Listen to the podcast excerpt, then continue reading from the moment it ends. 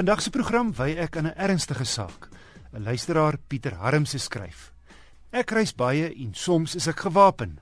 My vraag is as ek op 'n staking in die pad afkom, brandende bande, klip gooi, die werke, mag ek 'n persoon skiet wat klippe na my gooi? Ek voel dis uit en uit selfverdediging. Die klip wat my tref terwyl ek padspoed ry, is net so dodelik, skryf hy. Ek het gaan kers opsteek by 'n ou bekende en gerespekteerde hier op RSG, die prokureur Ignas Kleinsmid van die firma van Velden Duffy op Rustenburg. Dis waar dat selfverdediging 'n erkende regverdigingsgrond in ons reg is, maar die andersins wederregtelikheid van handeling uitskakel. Dis 'n bevinding van onskuldig kan meebring. Ons moet twee soorte verweere wat tot onskuldige bevinding kan lei van mekaar onderskei. Hier praat ons nou skielik van noodweer en noodtoestand. Hulle is baie nou verwant aan mekaar want beide noodweer en noodtoestand kan dalk vir Pieter behulpsaam wees wanneer belange vir wat vir hom van waarde is beskerm word teen dreigende gevaar.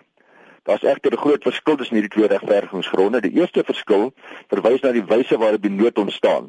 Noodweer is die verweer wat mense het teen 'n menslike aanval, soos dit in Pieter se geval is, terwyl 'n noodtoestand kan ontstaan of wanneer daar 'n regtelike menslike handeling is of wanneer daar 'n sameloop van omstandighede is, soos byvoorbeeld weerlig, vloede, onvoorsiene toestand net voor 'n ongeluk ensovoorts.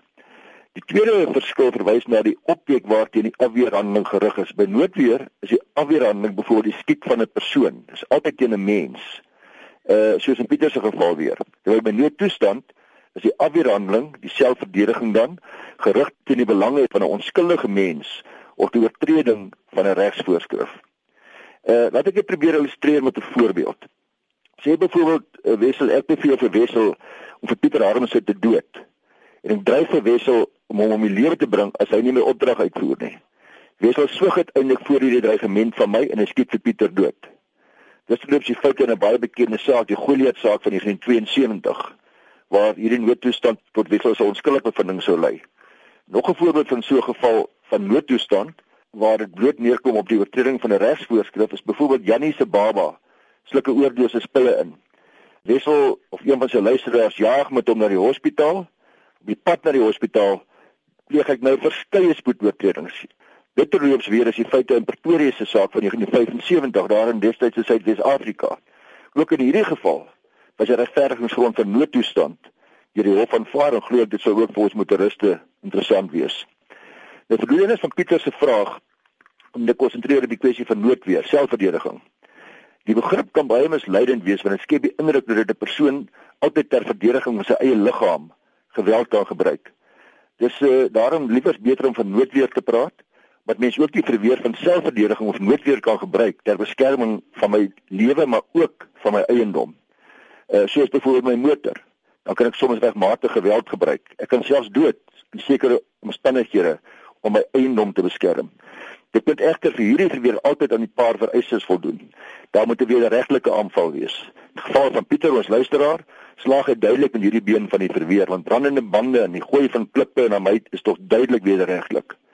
'n Tweede vereiste om te slaag met selfverdedigingsverweer is die aanval moet gerig wees ten belange wat die reg is beskermingswaardig ag. Uh, Natuurlik is my liggaamlike integriteit of my lewe altyd beskermingswaardig. Uh en in sy geval sal dit wel toepaslik wees. Kom ons kom net by die belangrike been van die verweer van selfverdediging waarmee Pieter en baie ander waarskynlik probleme sal hê. Dit is dat die aanval werklik dreigend moet wees, wat nog nie afgeloop nie. Dit beteken basies ek kan nie vir Wessel aanval omdat ek gehoor het hy kom my vanaand aanval. Of uh, noodweer is dis nie 'n kwessie van wraak neem nie. Ek kan hom nie aanval ook omdat hy verlede week my seun aangeval het nie ensovoorts. Maar die laaste wat vereiste vir noodweer of selfverdediging is die aanval hoef ook nie teen die verdediger self gerig te wees nie. Ek sou byvoorbeeld ook in noodweer kan optree ter beskerming van my vrou en my kinders wie se lewens in gevaar is. Die kruks van die luisteraar se probleem is egter dat om jou noodweer of selfverdediging te beroep en daar 'n werklike gevaar wees en dit moet onmiddellik dreigend wees. Nou kom ons vat Pieter se geval, mense wat met klippe gooi na hom. Persoon byvoorbeeld 'n klip optel en my daarmee gooi terwyl hy 100 meter van my weg is. Skep natuurlik geen gevaar nie sal 'n missie mag skiet nie. In teenstelling hiermee sal 'n persoon met 'n vuurwapen op dieselfde afstand 'n werklike gevaar wees as hy op jou aanlê. Die gevaar moet dus onmiddellik dreigend wees as iemand in die nag na my aangestap kom met sy hand in sy sak en vermoed dat hy 'n vuurwapen het, sou dit nie noodwendig as 'n onmiddellike dreigende gevaar kwalifiseer nie. Dis 'n potensiële gevaar. Eers wanneer daai persoon sy hand uit sy sak uithaal en ek sien nou nou uit 'n vuurwapen en hy aan om uit te vuur, dan sal ek baie suksesvol van noodweer gebruik kan maak as ek hom doodskiet in selfverdediging.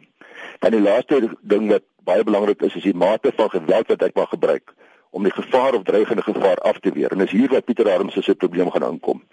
Want slegs die mate van geweld wat streng gesproke noodsaaklik is om die gevaar die hoof te bied, mag gebruik word. Goeie voorbeeld. Ek word met 'n wapen gedreig. Gryp my wapen in die kassie langs my bed. Die rower vlug deur die venster. Ek skiet hom terwyl hy vlug. Duidelik nie meer gevaar wat werklik is nie, ook nie meer onmiddellik dreigend is nie. Die verweer van noodweer sal beslis nie hier slaag nie. Kom ons kyk 'n bietjie ook na die werklike geval van wederregtelike optrede Wanneer is dit wederregtelik? Dis wanneer ek optree in stryd met die regsoortuiging van die gemeenskap. Die bou nie môreis. Die langer as die regter moet die botsende belange van Pieter wat hier in 'n gevaarsituasie is opweeg teenoor die van die klipgooiers. Die vraag of die gewapende moeder is soos Pieter die stakers wat met klippe gooi mag skiet, gaan as afhang van 'n klomp vrae wat verband het met die vereistes wat nou vir vergeet van selfverdediging. Eerstens, hoe ver is die klipgooiers? Is hulle werklik 'n gevaar, 'n verdreigende gevaar of maak hulle slegs lawaai? kan ek nie maklik deur die situasie kom deur bloot om te draai en terug te ry nie. Indien dit so is, sal daar geen sprake van noodweer wees nie. Want selfverdediging kan slegs slaag as jy gevaar net op 'n ander wyse kan afweer as om geweld te gebruik nie. So ek het die minste moontlike geweld gebruik. As Pieter nie vorentoe of agtertoe kon gery het nie, hy is omsingel. Nou word dit 'n steniging. Die klipgooiers is naby. Hulle gooi my kar raak. My vrou, my lewe is in gevaar. Totale ander saak. Geen probleem wees indien ek nou my vuurwapen gebruik nie, want dit is duidelik dat die mate van geweld hier noodsaaklik is om die gevaar die hoof te bied. So die beste advies wat ek vir ons luisteraars kan gee is dat ons nie reg in eie hande kan neem, maar daar geen ander wyse is waarop ons osself en ons geliefdes as ook ons goedere kan beskerm nie. Suid-Afrika word getuister met moord en geweld op 'n daaglikse basis. Ons voel soms geregverdig omdat ons vrees vir roof, inbrake, kapings. Nou is dit moeilik om hierdie streng reëls vir noodweer te begryp en baie van ons stem nie daarmee saam nie. In 'n geordende samelewing is dit belangrik dat die reg op lewe onderhewig moet wees aan sekere streng vereistes. En word daar baie geargumenteer in Suid-Afrika dat groot toegeeflikheid in hierdie verband baie sou kon doen om misdaad te help bekamp. Dis veral so wanneer mense hoor dat iemand gedood word vir 'n selfoon of vir R50. Dan Pieter laastens, daar's ook die wet op vuurwapens, die beheer van vuurwapens wat sekere vereistes daar stel waaraan jy moet voldoen. Daardie wet maak dit baie duidelik dat elke keer wanneer jy 'n vuurwapen gebruik, moet jy ook vra wat sou 'n redelike man in dieselfde omstandighede gedoen het. Sou hy gevlug het? Sou hy met sy motor omgedraai het? Sou hy weggejaag het? Of sou hy soos 'n cowboy van oud 10 klip gooi vir 50 meter ver staan, doodgeskiet het? So kyk maar self na jou omstandighede wanneer jy in daardie situasie is. Die goeie nuus my insiens is dat die situasie in Suid-Afrika en die vrees wat jy ondervind in sulke omstandighede wel duidelik in ag geneem gaan word. Selfs waar u verweer van selfverdediging nie slaag nie, word nou skuldig bevind, sal daar baie erg uh, versagtende omstandighede ter sprake wees in daardie situasie wat u in die briefie skets. Die prokureur Ignas Kleinsmid van die firma van Velden Duffy op Rustenburg. Luisteraars kan gerus motorbriewe na my e-pos. Die adres is wissel@rsg.co.za.